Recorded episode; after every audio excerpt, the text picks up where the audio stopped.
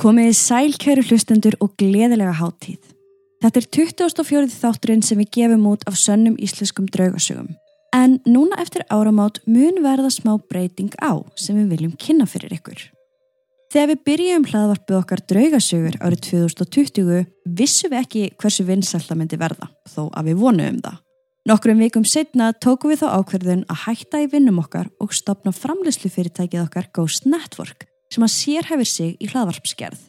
Það var rosalegt stökk út í djúbulauina fyrir fjögrabarna foreldra að segja starfi sínu lausu og stopna fyrirtæki. En við hjónin erum bæði miklir frumkvöðlar og við vissum að þetta var eitthvað sem við vildum gera.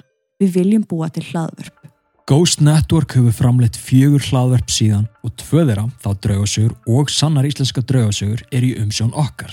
En það er mikilvægt að vita að þetta eru tvö mismunandi hlaðverp sem standa sér. Þau eru ekki tengd að neinu leiti.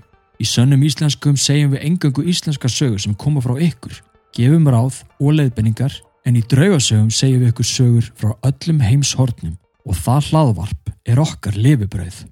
Hugmyndin af þessu hlaðarpi sönnum íslenskum var til vegna þess að við vorum að fá sendur sögur frá ykkur daglega þar sem þið voruð að deila ykkar reynslu af draugagangi og byggja okkur um álit eða ráð. Okkur fannst mikilvægt að nota okkar plattform til þess að deila þessum sögum með þjóðinni og vekja þannig aðtikli á þessum málefni. Draugar Íslands er ekki engungu inn í gömlum eigðibílum. Draugarsögur Íslands eru að gerast inn á venjulegum íslenskum heimilum. Svo við gáum okkur tíma á milli áskrifta þátt til þess að lesa sögurnar ykkar, skrifa niður okkar tólkun og okkar ráð. Næst var þátturinn tekin upp, kliftur, tónsettur og hann gefin út. Við gerðum okkur held ég ekki alveg grein fyrir því hversu vinsalt þetta hlaðvart myndi verða. Þetta átti að vera verkefni sem við gerðum í frítímanum okkar en áðurum við vissum af vorum við komið með mörg þúsund tölvupósta. Mörg þúsund manns settust niður og skrifuðu sína draugasögu, sína upplifun og margi voru jáfnvel þannig fyrsta skipti tilbúinur að horfast í augu við þá staðreind að það hafi upplifað eitthvað yfirnáttúrulegt sem það kunni ekki skýringu á. Það getur verið mjög erfitt en það er auðveldra þegar maður veit að maður er ekki einn. Eftir nokkra þætti fórum við að fá skilabóð frá fólki þar sem það þakkað okkur fyrir að tala um þetta málefni ofinberlega og það á hverstarslegu nótum. Fólki leið betur eftir að við tókum sögurna þeirra fyrir. Það var augljóst að margir voru búin að börðast með sína reynslu á bakinu aðleikt í mörg mörg ár og jafnvel ára tugi. Þar til nú höfðu engan til þess að tala við. Aðrir báð okkur um ráð hvort sem það var á samfélagsmiðlum, í síma eða jafnvel í personu og það veitur okkur ólýsanlega gleði að geta hjálpað því allir eiga að hafa sína rödd, öllum á að vera trúað og enginn á að vera hrættur eða dæmtur. Við höfum frá byrjun alltaf lagt mikið upp úr því að hafa þættin okkar eins. Þeir kom alltaf út á sama tíma. Við eigðum einhvern tíma í óþarfa spjall og komum okkur alltaf beint að efninu. En við vissum að sannar íslenska draugasögur gætu aldrei orðið þannig. Vegna þess að við gátum bara gert þá þætti þegar við höfðum frítíma, sem er ekki oft með stórt heimili. En okkur langar ekki að hætta með þá. Svo eftir að hafa ráðfært okkur við vini, digga áskrifendur og aðra hlustendur, þá höfum við tekið þá ákverðun að byrja með þættina aftur reglulega, en það mun verða breyting á. Sannar íslenskar draugasögur munu hefja göngu sína aftur í janúar og nýr þáttur mun koma út annarkvæmt förstu dag klukkan 3.00. En til þess að geta gert þetta svona, þá ætlum við að setja þættina inn í áskrift. Þetta verður sér áskriftarleið inn á Patreon sem býður engöngu upp á sannar íslenskar draugasögur og áskriftin mun kosta 9 dólara. Patreon gefur sérst upp verð í dólarum. Með þessu eru við í rauninni að byrja sannar íslenska draugasögur upp á nýtt. Þær sögur sem við höfum fengið sendar hinga til verða ekki teknar fyrir inn á áskriftinni vegna þess að okkur finnst að fólk eigi rétt á því að segja hvort að vilji að sínsaga byrtist í lokaðri dagskrá eða ekki. Þannig að það er algjörlega undir ykkur komið. Engar sögur sem við höfum fengið núna hinga til verða teknar inn í áskriftarleðinni. En ef þú hefur nú þegar sendt okkur sögu og hún hefur ekki verið byrt, þá hvetjum við þið til þess að senda hana aftur. Það er að segja ef þú vilt ná hann komið fram í þáttunum á Patreon. En þá sendur þú á nýtt netfang sem er sannar.draugasögur.com Nú, ef þú sendur okkur þínar draugasögur, eitthvað sem þú hefur upplifað og við ákveðum að taka hana fyrir í hlaðvarpin okkar, þá fær þú að eiga hana, sem þýðir að um leið og þátturinn sem inniheldur þína sögur gefin út á Patreon, þá fær þú söguna þín að senda með tölvupósti, hljóðfæl og myndakápu eða cover sem var búin til fyrir þig. Þetta er sagan þín sem þú getur átt um ókomna tíð og deilt með öðrum. Við setjum hana bara nýjan búning. En hafðu samt í huga að eftir áramót þá eru sannar íslenska draugasögur áskrifta þættir. Svo með því að senda okkur sögu þá gefið þú okkur leiði til þess að nota hana í þáttum okkar sem eru engunga aðgengilegir áskrifendum. En þú þarft samt ekki að vera áskrifandi frekar en þú vilt. Vegna þess að allir sem að senda okkur sögur sem við ákveðum að nota fá sína sögu senda þá hljóðfæl og myndakápu hvort sem viðkomandi er í áskrift eða ekki. Þannig að þú færð alltaf að eiga þína sögu, sama hvað. Þetta á engungu við um sögur sem við ákveðum að taka fyrir í þáttum okkar og aldursdagmark er 18 ára. Til þess að lesa þessa fréttatilkynningu í heilsinni þá getið þið gert það inn á heimasíðan okkar draugasögur.com. Við látum link fylgja með í lýsingu þáttarins eða notes. Þar eru líka svör við algengum spurningum. Við hvetjum ykkur líka til þess að fylgja sönnum íslenskum á Instagram en þar heitum við sannar íslenska draugasögur í einu orði. Þátturinn í dag er því svo seinasti sem verður gefin út í opunni dagskrá en við munum opna fyrir nýju áskriftarleðina 5. daginn 12. janúar og þann 13. janúar aðfaranótt förstudags mun fyrsti þátturinn koma út klukkan 03.00. Við vonum að þið takki vel í þessar breytingar að því að við erum ótrúlega spennt fyrir því að geta gefið okkur mun meiri tíma í að segja draugasögurnar ykkar. Þúsundur Íslendinga verða árlega fyrir aðkasti vegna atbyrða sem ekki eiga sér eðlilegar skýringar. Í gegnum tíðina höfum við fengið talsvert af sögum sendar til okkar þar sem fólk er umverulega að lýsa hræðslu og óta á yfir náttúrulegri upplifun. Atvikum sem hafa komið fyrir þau á stopnunum, vinnustöðum en þó lang oftast inn á þeirra eigin heimilum. Í þessum þáttum munum við fara yfir aðsendar sögur, deila þeim með þjóðunni og rýna betur í þær saman. Ég heiti Stefán John Og ég heiti Katrín Bjarkadóttir og þetta eru sannar íslenskar draugasögur.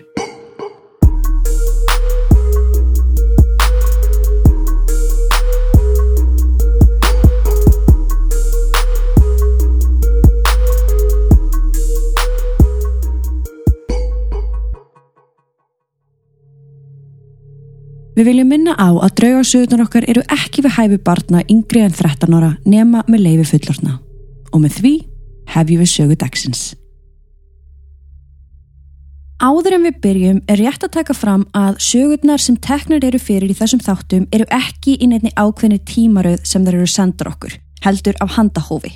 Eftirfarandi sögur eru sannar og koma frá fólki úr öllum stjættum þjóðfélagsins. Allt eru þetta mismunandi einstaklingar á mismunandi aldri. En allt þetta fólk á það sameigilegt að hafa lent í einhverju yfirnáttúrulegu og það hér á Íslandi. Orðalagi og uppbreyðun hefur lítilega verið breytt til þess að koma sögunni sem best til skila, en að öðru leiti eru frásagnirnar nákvæmlega eins og þær bárust okkur. Sögurnar verða sagðar í fyrstu personu eins og þær eru skrifaðar og eftir hverja sögu munum við Katrín taka örstuð spjall. Saga 1. Kvítorneskáli Mér langaði að deila með ykkur sögunni minni þegar ég og kærasti minn fórum í þryggjadaga ferðalag í enda júli á þessu ári og þemað var draugagangur og sagamál. Við ætliðum að heimsækja og skoða staði þar sem er talið að sé mikill draugagangur og slæmir hlutir átti sér stað og fyrsta stoppið var auðvitað kvítarunskáli. Ég er búin að vera að hlusta síðan þið byrjuðu með podcastið og þegar þið fóruð af stað með áskriftina þá var ég fljóta skrá mig. Ég vissi mikið fyrir en hef lært svo mikið af ykkur og er uppfull af fróðuleik frá ykkur sem ég gjarnan deili með öðrum sama hvort að einstaklingurinn trúir eða ekki. Ég hef alltaf trúað á drauga og öllu því sem tengist heim. Ég er mjög forvitin og er draugasögu sjúk. Mörg í fjölskyldinu minni eru opinn og því höfum við alltaf talað mjög opinskátt um þessi mál. Hins vegar er kærasti minn svona á báðum áttum en er þó áhuga samur. Jæja, að sögunni. Mér hefur alltaf langað til þess að fara upp að kvítarunaskála og þá sérstaklega eftir að ég hlustaði og horði á ykkar upplifun. Við mættum setnipartin í blíðskapara veðri. Á mót okkur tók fjölskylda sem ætlaði að eigða nóttinni með okkur þarna og voru þau búin að koma sér fyrir á neðri hæðinni og við fórum því upp á efri hæðina í litla herbergi þar og komum okkur fyrir. Við grilliðum pulsur og spjöllum við fólkið en eftir langan dag og mikla kyrslu ákvaðum við að fara upp í háttin um klukkan nýju. Kærasti minn sopnaði strax en þegar ég lagðist á kottan þá fjekk ég þvíleika magakveisu allt í einu og átti því mjög erfitt með að sopna. Plús það þá byrjaði kærasti minn að hrjóta og þá var mér allri lokið. Ég fór því fram og fór að lappa um til þess að þreita mig þó með herkjum því ég var með svo mikla magakrampa.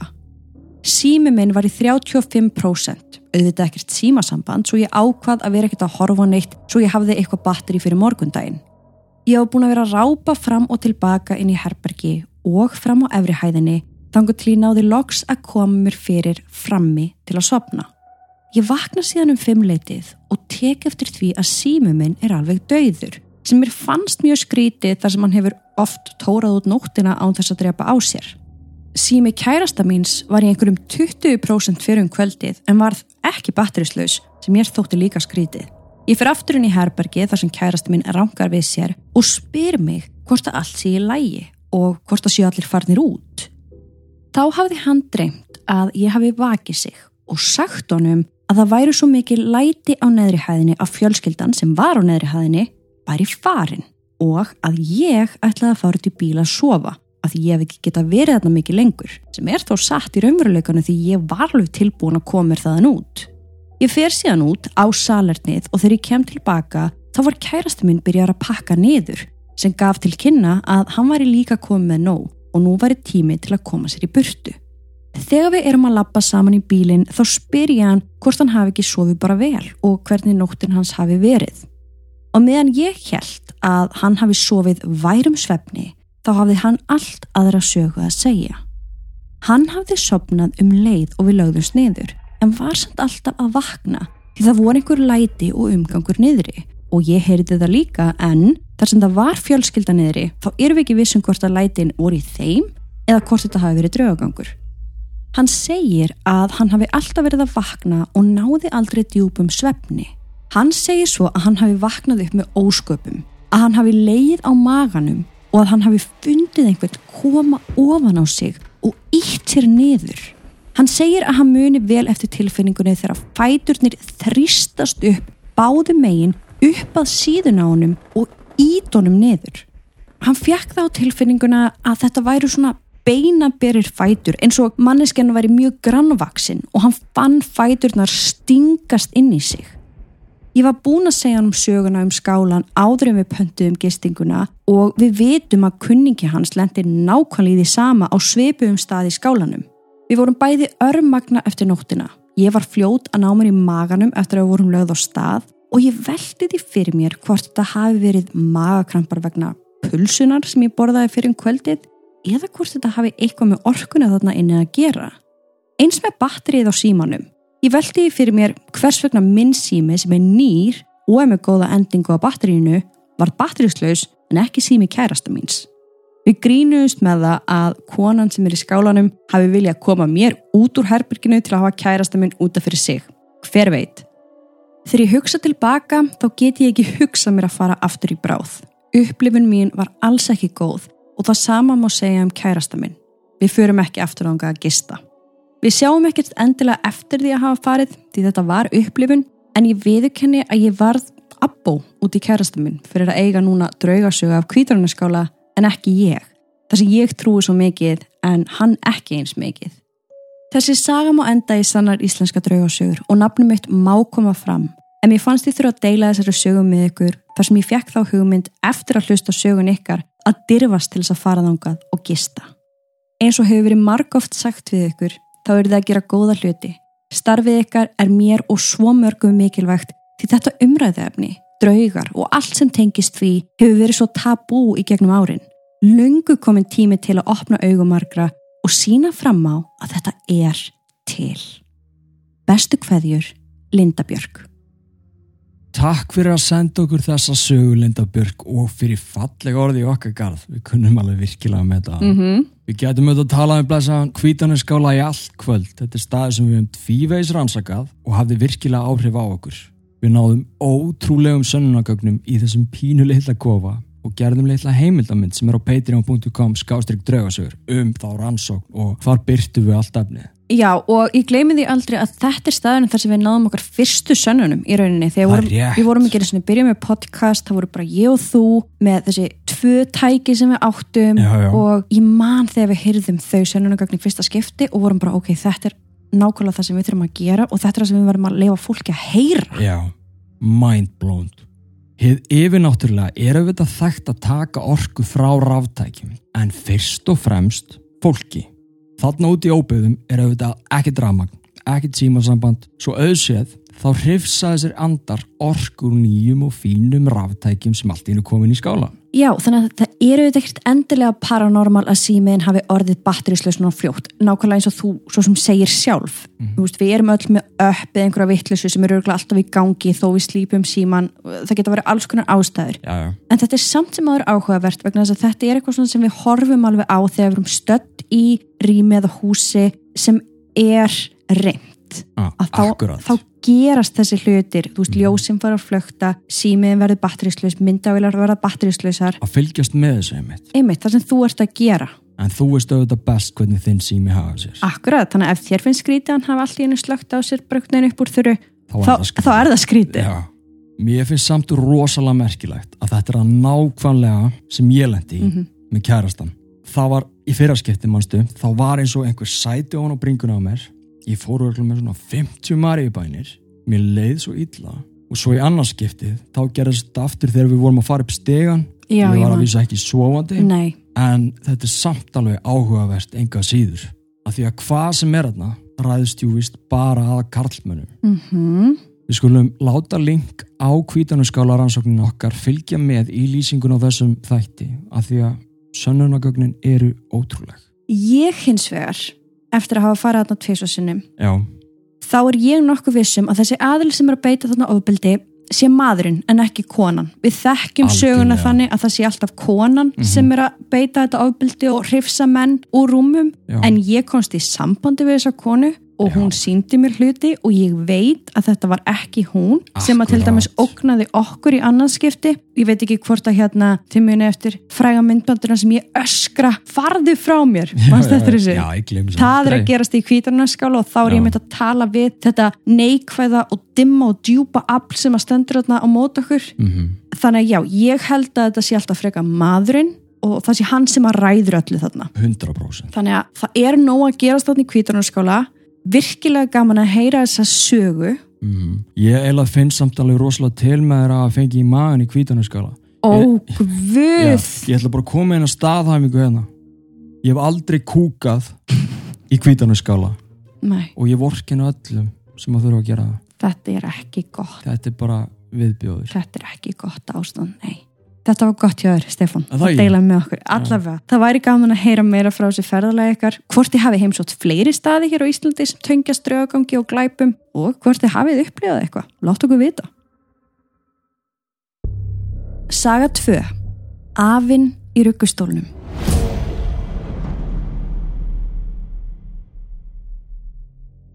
Saga mín gerist að vetri til.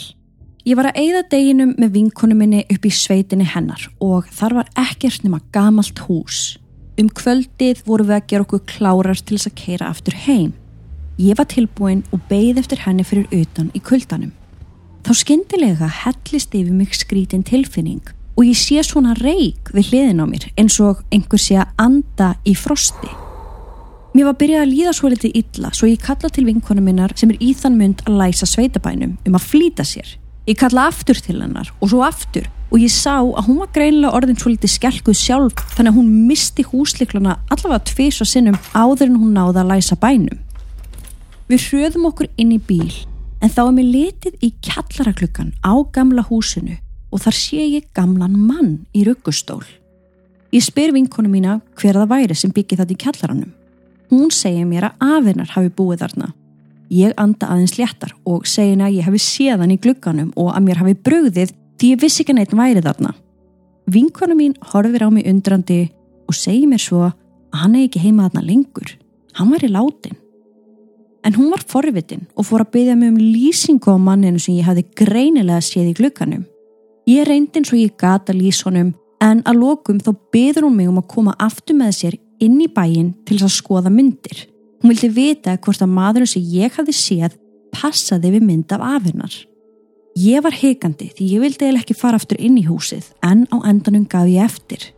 Þegar hún síndi mér myndina af afa sínum þá fór það ekkit á milli mála að það var maðurinn sem ég sá.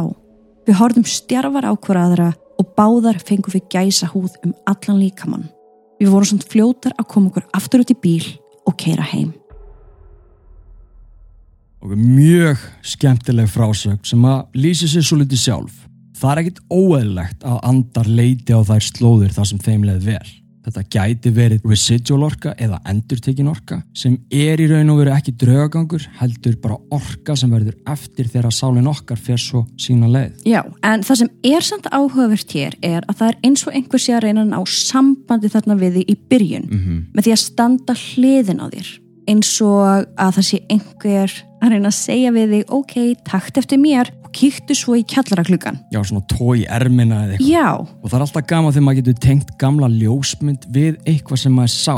Bæði þá gefur það manni sjálfum bara svona staðfestingu að því að stundum þá, eða bara oftast, þá trúum maður ekki því sem maður sér. sko. Nei, akkurat, akkurat. Líka gaman fyrir ástvinni, eins og í þessu tilveiki Vinkonuna. að vita að afi sé að nálegt þráttur að vera farin yfir móðuna miklu. Já. Þannig að takk kærlega fyrir söguna eina, virkilega gaman að heyri þér. Við höfum frá upphafi séð til þess að hlustendur fái fyrsta flokks upplifun í þáttum okkar með hljóðgæðum á heimsmæli kvarða. Það er mikill tími sem fyrir rannsóknarvinnu, skrif og eftirvinnslu, myndakápur og myndbönd. Við eigðum ekki þínum verðmæta tíma og komum okkur alltaf beint að efninu. Þeir sem hafa séð sjónvastættun okkar eru hungraðir í meira og því erum við með gríðalegt sapn af vefþáttum úr rannsóknum okkar bæði hér á landi og erlendis. Sönnunargögnin úr ferðum okkar hafa fengið hörðustu evasendamenn til þess að hugsa sér tvisvar um. Svo kontu og vertu með. Það er engin binding og yfir 400 þættir sem býða eftir þér og margar klukkustundra aftreyingarefni inn á patreon.com skástrygg draugasögur. Þið sem hafi verið með okkur í fjölskyldu dýnamikinni þar vitið að draugasögur eru svo sannarlega miklu meira en bara hlaðvarp. Saga 3 Ghost Rider Sæl bæði tvö. Ég er 22 ára og var alltaf fremur næmur sem barn en misti það að megninu til með aldrinum. Til að byrja með þá verði aðeins að lýsa verndar engli eða englu mínum. Ég er nefnilega smá svona eins og Ghost Rider. Því sama hverju ég lendi í þá verðist ég alltaf komast heill af með í mestalagi bara marbletti. Ég hef vunnið alls konar vinnur sem að myndi teljast lífshættulegar og í raun á ég að vera margfald steindauður en verðist alltaf rétt sleppa. Einnig bílvelta og á mjög erfiðum tímum lífsmýns sjálfsvíkstilunir. Í hver skipti hef ég fundið fyrir nærveru sem er svo afskaplega kunnuleg og hlý. En bursið frá því þá var ég virkilega næmur sem barn og ég sá liti á fólki og einnig fólk sem aðrir sá ekki sem gæti verið talið blessun og bölfun. Æsku heimili mitt í grafavóginum var freka reymt og var lengi vel ekki hægt að fá mig til þess að sofa í mínu eigin herbergi og ég gargaði alltaf maðurinn, maðurinn. Inn á baðherbergi og forstofu var alltaf óþægileg orka og ég vildi aldrei vera þarna inni lengur en ég nöðsulega þurfti. Mín fyrsta minning kemur frá þessu húsi og er frá því að ég og pappi minn vorum að leggja okkur. Ég var bara smá polli og samkvæmt mömmu ætti ekki eins og muna eftir þessu. En ég ger það samt. Ég vakna úr miðjum lúr og sé við rúmið standa litla hvíta veru sem var rétt svo hærinn rúmið. Veran var með fullkomlega ringlóttan haus og ekkert andlit fyrir utan stjörnur þar sem augun átt að vera. Ég starði á veruna og setti andlitið margsinnis í kottan og leitt aftur á veruna, en hún fór ekkert. Eftir skamastund þá sopnaði ég og þegar ég vakna þá var veran horfin. Eitt kvöldi lág ég í sófanum og voru að horfa á teiknumynd þegar ég aðri sjónarinnar sé ég eitthvað reyfast í forstofunni. Ég byrja að stara á forstofuna og sé strák sem var með mér í leikskólanum og það var alveg eins og hann vildi fá mig inn í forstofuna. Orkan frá stráknum var svo svakalega neikvæð og ég satt bara stjarfur í sófanum og fór ekki fett. Mamma kallaði þá skeindilega á mig um að koma og borða og um leið þá hverfur strákurinn. Ég trúi því ekki að þetta hafi raunverulega verið strákurinn úr leikskólanum heldur eitthvað í hans dölargerfi að reyna að lokka mig til sín. Nokkrum árum síðar vorum við búin að breyta einu svefnherberginu í sjónvarsherbergi þar sem það voru bara við mamma eftir í húsinu. Eitt kvöldið seti ég að horfa á sjónvarpið en mér finnst ég síðan verða að horfa út um dyrna sem liggja fram á gang og þegar ég ger það þá sé ég stelpu í hvítum kjól hlaupa frá áttina herberginu hann á mömmu og ég átt af vegg sem er þar beint á móti og sé hann hvarf hún. Við fluttum úr íbúinni tveimur árum setna og mér skilst að fólki sem að flutti inn á eftir okkur hafi ekki verið þarna lengi vegna slæms andrumslofts. En að öðrum, þessi saga fjallanum hvernig ég hitt hann afaminn heitin í draumum. Vert er að minnast á að hann afiminn var mér afar kær og þá sérstaklega eftir að pappi flutti Erlendist til þess að vinna. Afi hafði byggt sumarúsandinu ömmu í sveitinu sem hún ólst upp í. Afi dó árið 2010, svo þá var mikill missir, en árið 2012 dreymir mig að ég hitti Afa í bústanum sem hann hafði byggt. Dröymurum byrja þannig að ég vakni kójunans Afa og geng fram. Afi tekur á móti mér og er húsið stappað af fólki sem ég þekki ekki, en allir verða svo hamingjusamir og í góðu skapi. Byrtan úti er svo mikil að ég get ekki séð um glukkana, bara kvíl ljós. Ég tek líka eftir því að ég er honin herri en afi minn, sem ég var auðvitað ekki þegar ég hitt hann síðast. Við ræðum saman og er mikil gleði og síðan vakna ég. Annað og síðasta skipti sem ég dreymdi hann afa var í allt öðrum dúr. Það er einu ári eftir fyrir dreymin og byrjar hann þar sem ég er á efri hæð með öðrum krökkum sem eru öll greinilega á svipu um aldra og ég. Skyndilega er kallað á öll börni niður fyrir auðvitað mig. Ég sest niður og byrja að teikna í iPad sem að ég var vanur að gera þessum tíma. Afi gengur þá upp til mín og í þetta skiptið er hann tölverst stærri en ég. Hann var snirtilegur í dökkbláum jakkafötum en sérstak þótti mér að nefið hans virtist vera svo stórt, bólgið og hálf fjólublátt. Ég gleðst mikið við það að sjá hann af minn og byrja að segja hann um öll mín tíðindi og sína hann um allt það sem ég hef búin að tekna. Afi var hlýr en alvarlegur. Við förum í eitt svefnarbyggið þar sem það er skrippborð, stóll, rúm og speill. Ég sest við borðið og afi leggst í rúmið og ég er ennþá bladrandi við hann. Þanga til ég líti í speilin sem, sem að ætta sína mér af hann í rúminu en þá sé ég bara tómt rúmið. Ég tárast, horfi á afa og segi ég sé ekki speilmynd þín afi og vakna. Þetta er orðið mig langdreið en ég hef jafnvel fleiri sögur að segja ef þið hafið áhuga. Með bestu kveðju, mikill ádáðandi. Sæl og blessaður og takk fyrir söguna þína. Þú talar um að þú er greinilega vendarengil vegna þess að miða við allt saman þá ættir þú að vera löngu farin og það er nefnilega að fallega við engla. Þeir eru alltaf hjá okkur en þeir eru samt ekkert að skerast í leikin nema ef þú stendur fram með fyrir hættu þar sem lífiðinu er ógnað mm. og ef þú ert ekki búin að gera öll þau verkefni eða sinna þinni köllun hér á jörð þá grýpa engladir inn í og passa að ekkert komi fyrir þig. Akkurat. Annað skemmtilegt sem tengist vendarenglum er að þeir laða sig að okkur. Þeir elska þig meirinn allt og það er þeirra starf að vera hjá þér og vernda þig. Þeir eru líka ansið sniðugir því að þegar þeir byrtast þér þá byrtast þeir þér sem eitthvað sem þú kannast við mm -hmm. eða verður ekki hrættur við og það getur verið alls konar þannig að þú verður aldrei hrættur þegar þú hittir vendraengilindin vegna þess að þeir eru engungu ást. Já, þú finnur ekki fyrir neina öðru. Nei. Mm. Þannig að til þess að byrja með þá veldi ég því fyrir mér hvort að hvita veran við rúmið þitt hafi verið engilindin að sína sig en þar sem þú varðst hrættur og þú hafðir áður verið hrættur við mannin í herberginu þá tel ég það ekki vera Nei. en þú ert greinilega skert ljós þar sem þessar verur er að soga staðir Akkurát En þú segir að aðalsagan þín sé um draumana sem þið dreymdi, það sem þú hittir afaðinn. Í fyrsta draumnum þá líður þau vel. Þú talar um að hafa verið herren afaðinn og að þau hafi rætt mikið saman og þú hafi fundið fyrir mikill gleði. Árið setna dreymir þig afaðinn aftur en í þetta skipti er þetta óþægilegur draumur. Afiðinn er alvarlegur, nefið hans er öðruvísum vanalega og ég skinja eins og þú segir í þessum draumi að þú sérst lítill drengur mm -hmm. og þú vildir hérna sína afaðinn um hvað þú varst að teikna. Þú tala samt um að hafa fundið fyrir hlýju frá honum en svo gerist það að þú sérð ekki speilmyndan hans. Svo þú tárast og þú vaknar. Það fyrsta sem mér langar að vita er hvort það hafi orðið einhver breyting í lífiðinu á þessu ári sem var á milli drauman að tvekja. Algjörlega hvort þú hafi verið að gangi gegnum erfiða tíma þegar þið mm. dreymir setni draumin vegna þess að ástfinnur okkar geta byrst okkur í draumi af mörgum ástæðum. Algjörlega Stundum bara til þess að sína sig og segja hæ en stundum líka bara til þess að varma við einhverju eða koma einhverjum skilabóðum á framfæri. Draumar eru auðvitað beintengdir skikningáfum en það sem ég mæli með að fólk geri er að skrifa draumana alltaf niður.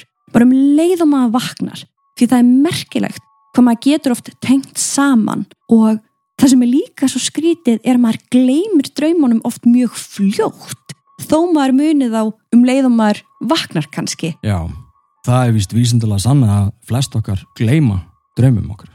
Já, Þannig að þannig að það er mikilvægt að skrifa það niður strax. algjörlega, algjörlega. Það er erfitt fyrir utan að komandi aðila að vita nákvæmlega hvað þessi drauma þýttu. En ég er að pæla, af hverju ekki bara spyrja á þeim? Nákvæmlega, ég veit nefnilega að draumar geta setið í manni í mörg, mörg ár og ég tengi mjög vel. Ég sjálf þarf að loka á allar mínar skikningáfur, byggjum vernd og gera alls konar hluti til þess að fá svefn á nóttunni. Já, Ef ég gleymi því, þá er ég bara í vinnunni alla nóttina og vakna svo alveg ósofin. Þannig að ef þið langar til þess að skoða þetta eitthvað nánar, þá mælum við með að þú finnir stílabók, áður en þú ferð að sofa skaltu loka augunum og ímynda þér að utan um þig allan sé gullita ljós. Síðan skaltu byggja vendrengiliðinn að koma til þín og vera hjá þér. Skrifaðu það líka í stílabókina og þakkaðu vendrenglunum þínum fyrir að vera hjá þér. Og síðan skaltu skrifa niður spurninguna þína. Hvað þýtti sér draumur um afa? Eða þú getur skrifað Ég byrð þig afi um að byrtast mér í draumi aftur. Hjálpaði mér að skilja. Mhm. Þetta gæti tekið smá tíma en vonandi færði svör og ég held reyndar að þetta sé gott fyrir það öllu leiti þar sem þú ert svo opinn sál. Þú verður að passa vel upp á þig og það gerir með því að bjóða vendarenglunum þínum að vera hjá þér og ímyndar gullita ljós í kringum þig allan. Ef þú kemst upp á lægi með þetta, þá getur þú skrifað alls konar vangaveltur og pælingar í draumabókina þína og það er svo merkilegt að um leið og þú byrjar að tala svona við vendarengilegin, þá raunverulega getur lífið breyst. Já. En þetta er náttúrulega efni heilan þátt.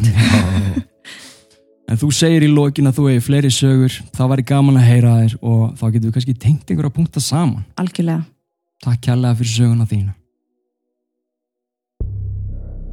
Saga fjögur. Andsetin.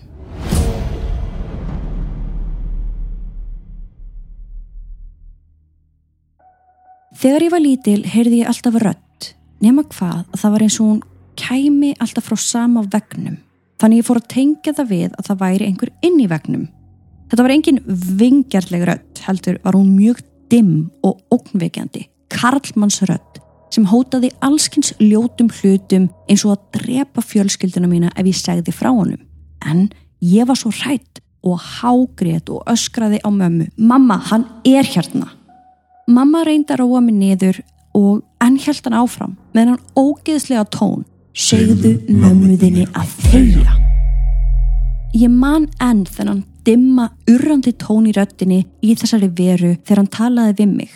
Einni lagði hann mikinn þunga á bringuna mína. Hann sagði að ef ég myndi kalla á mömmu mína einu sinni enn myndi hann sína sig fyrir mér. Auðvitað sem hrætt stelpa öskraði ég og grét í hvert skipti og þá gerði hann það sem hann saðist alltaf gera. Hann síndi sig. Stórt andlit er það sem blasir við mér og ég man ennþá svo vel eftir því. Stundum talaði þessi vera á tungumáli sem ég þekkti ekki en einhverju hluta vegna þá gati ég hermt eftir því sem hann sagði. Það var eins og ég væri andsetin. Augun mín voru uppi í augnlokunum og þurfti mamma oft að leggja mig í kallt bað til þess að vekja mig upp frá þessu. Þetta var orðið stórt vandamál og mamma var hrætt um mig. Littli bróði minn sá mig þegar ég var í þessu ástandi liggjandi í baðinu með augun upp í auglokunum og hann var mjög áhyggjufullur. Mamma, hvað er að gerast fyrir hana? Einnig þá sá nýverandi kærasti mömmu mig í þessu ástandi. Mamma íhugaði að fá prest á heimilið. Hún baði mig um að öskra á þessa veru eins ákveðið og með mikillir reyði að fara burt. Það virkaði, en hann endaði að segja ég kem aftur. Ég heyrði ekki lengur í honum nýja sá hann, en undarlegi hlutir voru að gerast í kringum mig sem ég tengi við hann. Til dæmis voru við mamma að rúmta og hún var að tala við mig þegar ég heyra hann allt í henni til að tala rosalega rætt og ég segi mamma ekki tala svona rætt. Mamma varð undrandi og sagði hún hafi ekkert verið að tala rætt.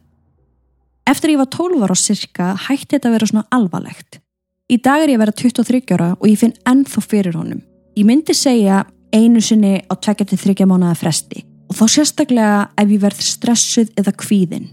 Ég finn fyrir honum í til dæmis tækjum. Allt í hennu verður þvottavjölu mín óvinnulega hávær og aggressiv sem meikar kannski ekki sens fyrir einhverja en ég veit ekki hvernig ég á að lýsa þessu. Ég finn þess að dimmu orku frá því og einhvern veginn veit að þetta er hann. Einnig ef ég verð kvíðin eða stressuð þá sé ég kungulær í rúminu mínu. Oft stórar og kærasti minn segir að það sé enga kungulær í rúminu mínu. Kungulær eru mín verstarhæðsla og ég held að sama veran sé að sína mér þessar kungulær. Í vikunni voru ég og vinkuna mín að spjalla saman í síman þegar hún spyr mig hvort ég vil lendi í einhverju draugalegu. Ég segi henni þá frá verunni í vegnum og hún fekk gæsa húð því hún held að hún væri svo eina sem hafi haft einhverja reynslu með að heyra í einhverju frá vegg. Í hennar tilfelli voru það tvær karlkinsirattir sem móttu samræður við hvern annan en þeir vissu að hún heyrði í þeim því alltaf þegar hún kom upp í til mömmu og pappa þar sem veggurinn var, þar sem hún heyrði í þessum röttum sem barn, þá sögðu þessar rattir eitthvað eins og krakkinni komin aftur en rattirna sem hún heyrði voru hins vegar ekki illkvittnislegar, meira svona stríðnislegar. Ég fekk auðvitað mikla gæsa húð að heyra þetta og hún ráðilaði mér að senda ykkur þessa sögu. Verður að taka fram að við mistum sambandið í símanum einmitt þegar við vorum að tala um þetta. Við tölum oft í síma þar sem ég bý erlendis núna og þetta hefur ekki gerst áður. Sambandið hefur alltaf verið í lægi. Ég var kyrr á sama stað og hún líka. Takk fyrir allt sem þið gerið, elsku Katrín og Stefan. Þetta er skuggaleg frásögn. Ég veit það og mér langar bara aðeins að minnast á það Mm -hmm. að sérðu hvað sér frásögn er skrítin. Já, Sérðu hvað hún er furðuleg. með fullri verðingu, já, Já, en það er það sem er gert. Það er reynd að gera þetta svo rugglingslegt þannig að enginn skilji þig og, þú, Og hljómar, ótrúlegt. þú hljómar bara eins og það sé eitthvað að en Mm. málið er að það er kannski bara ekkert að. Þetta er raunverulega það sem þú ert að upplifa. Akkurat. Og þetta með símtalið, það tekkist rosalega vel að þegar þú varst að tala um það sem er að ásækja þig eða tröfla þig, þá máttu eiginlega ekki segja henni frá því. Nei, Og það akkurat. mitt verið til þess að sambönd slitni og skilabóð komast ekki áleiðis og svo framvegis. Mm Og ég verða að vitni í einn særingamann af því að hann saði að hann læti oft í þessu. Stundu það þriði aðilinn að koma skilabóðunum áleiðis til næsta, fattar þeim. Er það, já. Já. Být, ertu ekki að fara að taka viðtölu hennar mann? Sss. Það sorry. Hann segir allavega hann fer alltaf með blessun þegar hann byrjar á símtalinu og endar á símtalinu. Ok, og þá tröflast það ekki neitt. En það sem vakti mikla aðtegli, það var að þessi viðkomandi aðli sem hann var að reyna að hafa samband við, var að glíma við alls konar pípulagninga vandamál. ok, Klósetti vildi ekki styrtast niður og bara alls konar vesen. Og hann fekk pípara og þeir kom og kíkta á þetta og var ekkert að þessu, allt í fínasta lagi. Og hann bara, herðu, prófa að skvetta bara við vatna á klósetti og hann gerir það og allt í hennu bara svín virka klósetti kom með þessa góðu, góðu setningu bara, stundum þarftu pípara en stundum þarftu bara vikt vatn. Vá hvað þetta er góð saga og ég veit ekki hvort ég er að minnast á þetta en þetta gerir þú oft við mig? Já, ég er til dæmis í símtali sem er alltaf að slitna sem gerast nefnitt bara um daginn já, já, þá kemur þú skvettir á mig við vatni en þetta er svo eðlilegt heima hjá okkur. Já, ég sé að skvetta við vatn já, já, En saman, hvernig fór símtalið? Herri það endaði á því að að virka það er enda rétt Ha, er það ekki? Já, magna. En aftur á þinni sögu, þetta hljómar eins og oppression, ofsók. Hún getur tekið 20 ára og leiðið í dvala inn á milli. Við gerum fastlega ráð fyrir því að þetta hafi greinlega fylltir. Þú ert þarna 12 ára mm og nú ertu 23 og þetta hefur greinlega fylltir yfir landsteinana. Þannig að við erum að tala um alvarlegt dót. Og veistu, án þess að hræða þig um of, þá er þetta eins og við segjum á góðri íslensku bara alvarlegt shit. já, það er rétt Þú þarfst að fylla húsið þetta gleði, hamingi og mikilli byrti. Draga frá. Við hvetjum þig til þess að leita í trúna ef hún er þarna einhver staðar grafin í minningunni og byggja um hjálp. Við munum byggja fyrir þér og við getum leiðbeintir. Ef þú hefur áhuga þá er þér velkomið að hafa samband við okkur og við getum aðstofa þig í framhaldinu. En ekki láta þig braga þó að skilabúðin vil ekki sendast eða símtölinn detti út. Reyndu bara aftur og aftur og svo aftur. já, þanga til að þá kannski bara við hugsun tíðin, við óskum þér allsins besta við trúum þér 100% Þú ert ekki eini í þessu þú ert alls ekki ein og bara svona þér að segja þá höfum við fengið margar svipaðar frásagnir frá öðru fólki Já, þannig að þó að þér finnist þetta að vera kannski skrítið, mm eða þú finnir Óþægilegt. eða eini í þessu, þú ert Já. það ekki. Ekki. Þannig að já, ég mæli eiginlega bara með að hafa kannski samband við okkur bara í á draugasögur.com og við getum kannski spjalla betur saman þar. En þanga til, bara takk fyrir að deila sögunni þinni, ég held að sé alveg mikilvægt að fólk þekki þetta. Já, og óskum þér allsins besta. Takk kærlega fyrir sögurnar ykkar. Takk þið sem eru að hlusta. Þanga til næst